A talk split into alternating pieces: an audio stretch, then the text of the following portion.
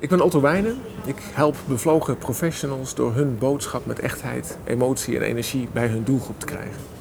En een van die middelen daarbij is mijn nieuwe boekje, de basisgids Help ik moet spreken, wat sinds deze zomer uit is. Wat was voor jou de drijfveer om dit boek te schrijven? Ik was al enige jaren als spreker actief op congressen. En dan mag je de crème de la crème van Nederland op het podium zien. CEO's, managers. En dan kom je op congressen waar veel geld is besteed aan aankleding, aan uitnodigingen, aan catering, aan verzorging en alles op en eraan. En dan komt de CEO en die houdt een verhaal. En dan denk ik, hoe kan dit? Hoe kan iemand op dit niveau functioneren en dan net niet in staat zijn om die verbinding te maken met de zaal? Hoe kan het dat hij niet weet hoe dit moet?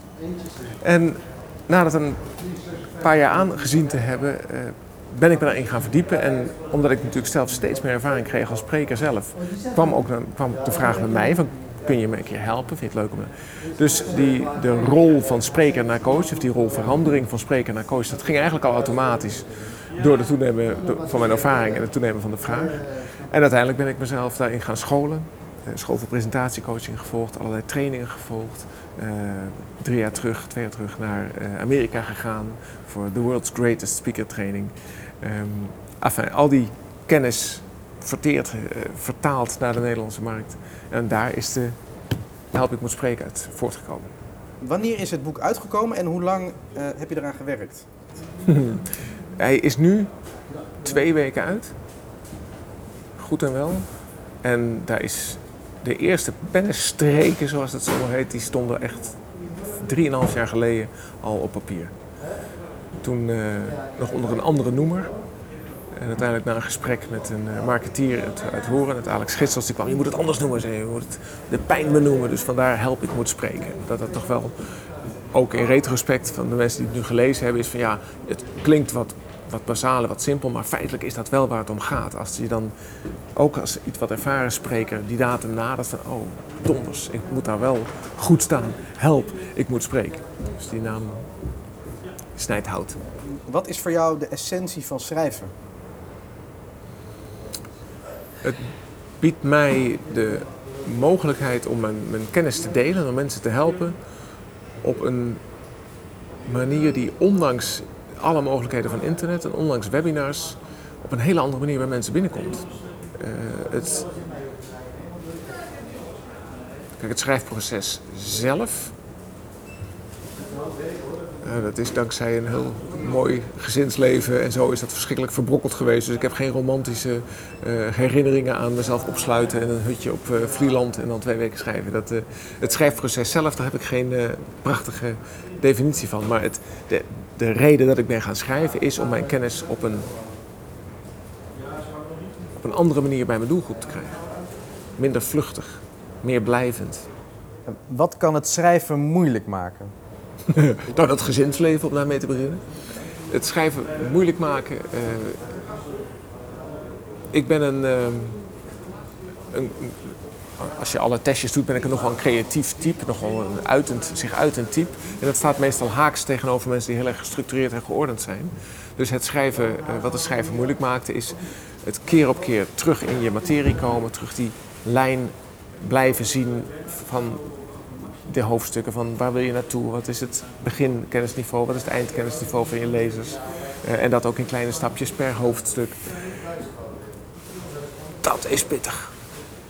Het verschil tussen spreken en schrijven is dat op het moment dat je een woord uitgesproken hebt, kun je zien wat de reactie is en je kunt eventueel daarop verduidelijken en er iets aan toevoegen. Het, eh, het, het, schrijven voor een tekst op een website, dan zit je dat de ene dag te schrijven en dan kijken daar misschien twee mensen naar en de volgende dag denk je, oh dat is toch een beetje ongelukkig, ik pas het aan. Bij een boek, dit is mijn proeven, dit is mijn, mijn, mijn, hoe zeg dat, mijn mijn PhD, dit, is mijn masterscriptie. Dit is, dit is voor eeuwig. Hier word ik op afgerekend voor mijn gevoel. Althans, uh, ik wil dat ik hierop afgerekend word. Want dit is het beste wat ik op dit moment kan. Dit is mijn kennis zoals ik die nu heb. En ik heb twee dummies laten maken. Ik heb weet ik veel hoeveel keer laten herlezen, et cetera. Want dit moet goed zijn. En dat is een hele andere energie en een hele andere criterium dan een speech of een, of een presentatie. Ja, heel suf, maar dat, dat is het omdat het niet vluchtig is. Hoe heb je het uitgeefproces van je eigen boek beleefd? Het uitgeefproces uh, was ja, een beetje clichématig dat inderdaad toen, toen die boeken eindelijk op de keukentafel stonden, dat ik zoiets had van, oh wauw, nou, nou ben ik auteur. Dan staan daar opeens 500 boeken. Wauw, helemaal gaaf.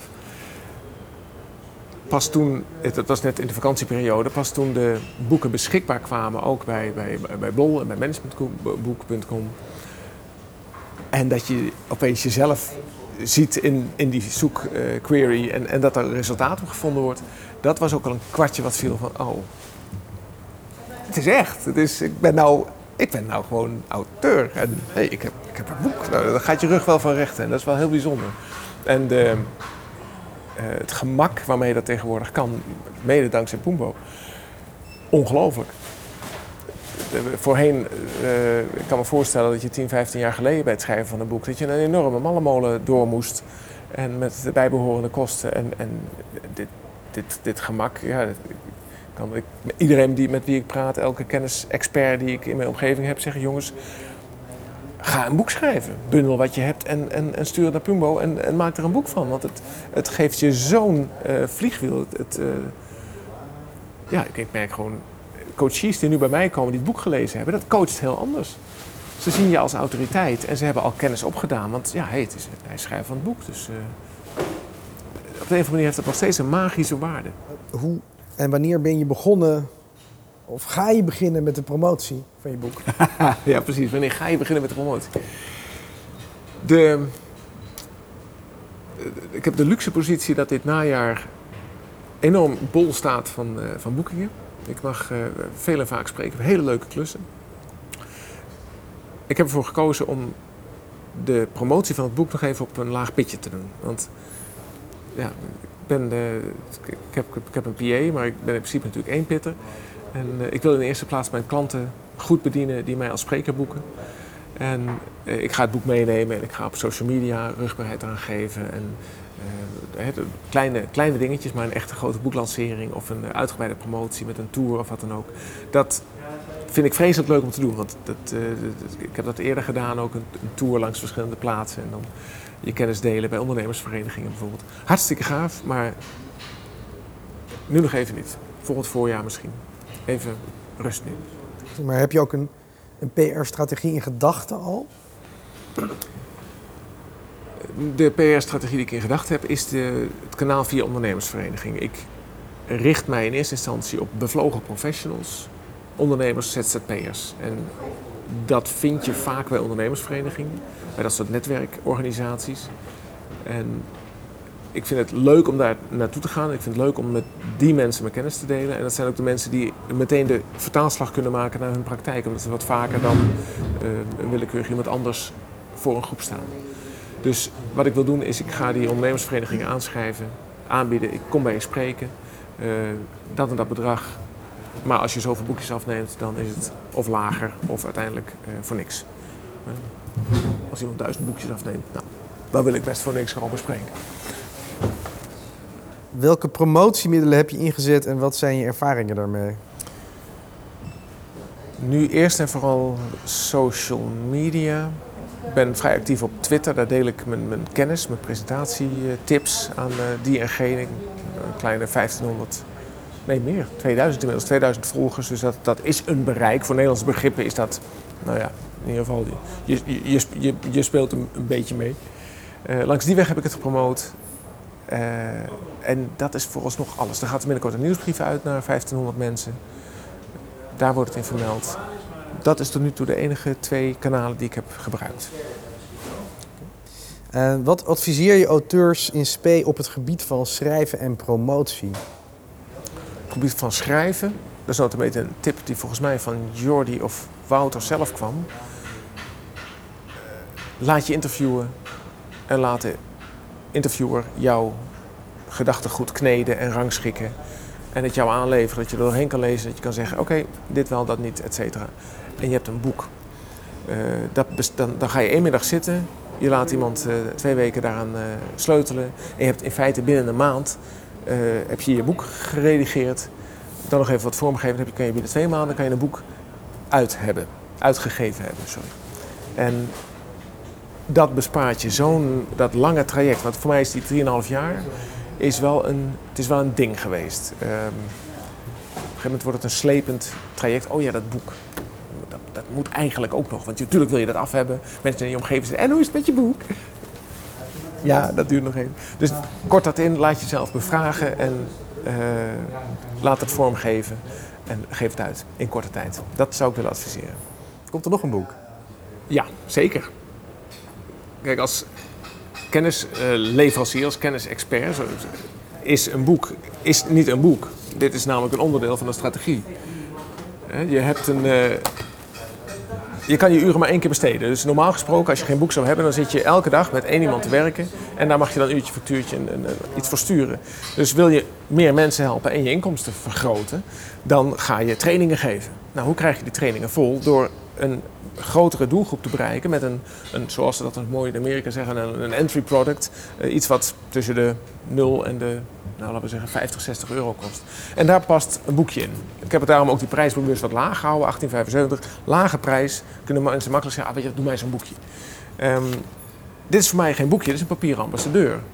Dit gaan mensen, ik, mensen hebben het ook al cadeau gegeven aan anderen. Dus op die manier krijg ik een breder bereik waaruit mijn trainingen zometeen gevuld gaan worden. En uit die trainingen verwacht ik dat mensen zich door mij individueel willen laten coachen. En waar speechwriting klussen uitkomen.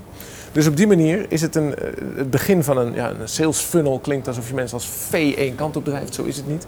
Maar het is een, eh, de eerste stap in de, de customer journey, om het dan zomaar te noemen. Het ze leren mij kennen, je bouwt een relatie op via, via dat boek. En dan kunnen ze eens een keer persoonlijke kennis gaan maken in een training of in een webinar online, et cetera. Dus zo stapje voor stapje kom je uit eh, op het punt waar mensen echt heel erg gemotiveerd zijn en heel erg duidelijk zijn van ik wil met jou werken. Maakt niet uit wat het kost. Wat zijn nou, wat is nou, zeg maar, wat zijn nou de twee, drie belangrijkste dingen? Nou, in Nederland zijn wij verstoken van goed onderwijs op het gebied van presenteren. Dat is echt. Wij komen op de basisschool, wij nemen ons konijn mee, we doen een spreekbeurt over ons konijn. Kennis die de meeste mensen eigenlijk al weten. En je krijgt een top, want je hebt het goed gedaan. Je hebt een hoofd, een, een, een kop, een romp, een staart.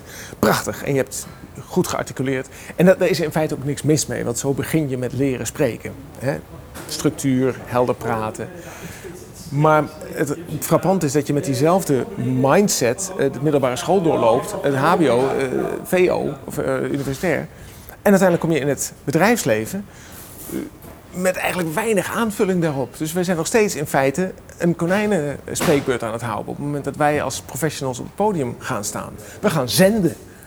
En de verandering die moet plaatsvinden op het moment dat je op niveau gaat, gaat spreken, of dat je mensen wil bereiken, is dat je niet begint met zenden. Je begint met te kijken wie zit er in de zaal, wat zijn hun grootste problemen, ambities, angsten en hoe kan ik met mijn vakkennis daarop aansluiten? Hoe kan ik hen helpen? En dat, is- mindshift 1. Je moet, je moet niet willen zenden, je moet luisteren. Een goede spreker heeft hele grote oren. De tweede verandering eh, die, waar ik voor sta is dat je als je bij mensen binnen wilt komen, zullen zij jou moeten geloven. Ze moeten, en ze moeten je aardig vinden. Iemand die het begint bij aardig vinden. En eh, je kent waarschijnlijk de, de Golden Circle van Simon Sinek, Start with Why.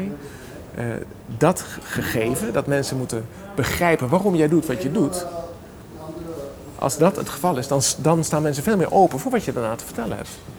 Dus als jij jouw bevlogenheid voor jouw onderwerp kunt overbrengen, dan is alles wat erna komt, is van, ah, logisch, want ja, leuk, ik snap waar hij staat. Of eh, het, misschien komt het jouw reden wel vanuit een vervelend verhaal. Je hebt een ziekte gehad en je bent, in, door die ziekte heb je hele heftige inzichten gekregen. Dan snap ik jou waarom. En dan ben ik bereid te luisteren. En dan ben ik bereid mijn gedrag aan te passen of informatie op te gaan doen of mijn leven te veranderen eh, op basis van die informatie die ik krijg. Dus de eerste verandering waar ik voor sta is begin met vragen te stellen, met je af te vragen wie zit er in de zaal, wat zijn hun angsten, problemen, ambities en hoe kan ik daarbij helpen. Dan, wat is mijn waarom? Zit, zit, zit dat in mijn verhaal? Kunnen ze ergens achterhalen waarom ik doe wat ik doe? En als je dan in staat bent om dat met echtheid, emotie en energie op het podium te delen, dan bereik je mensen.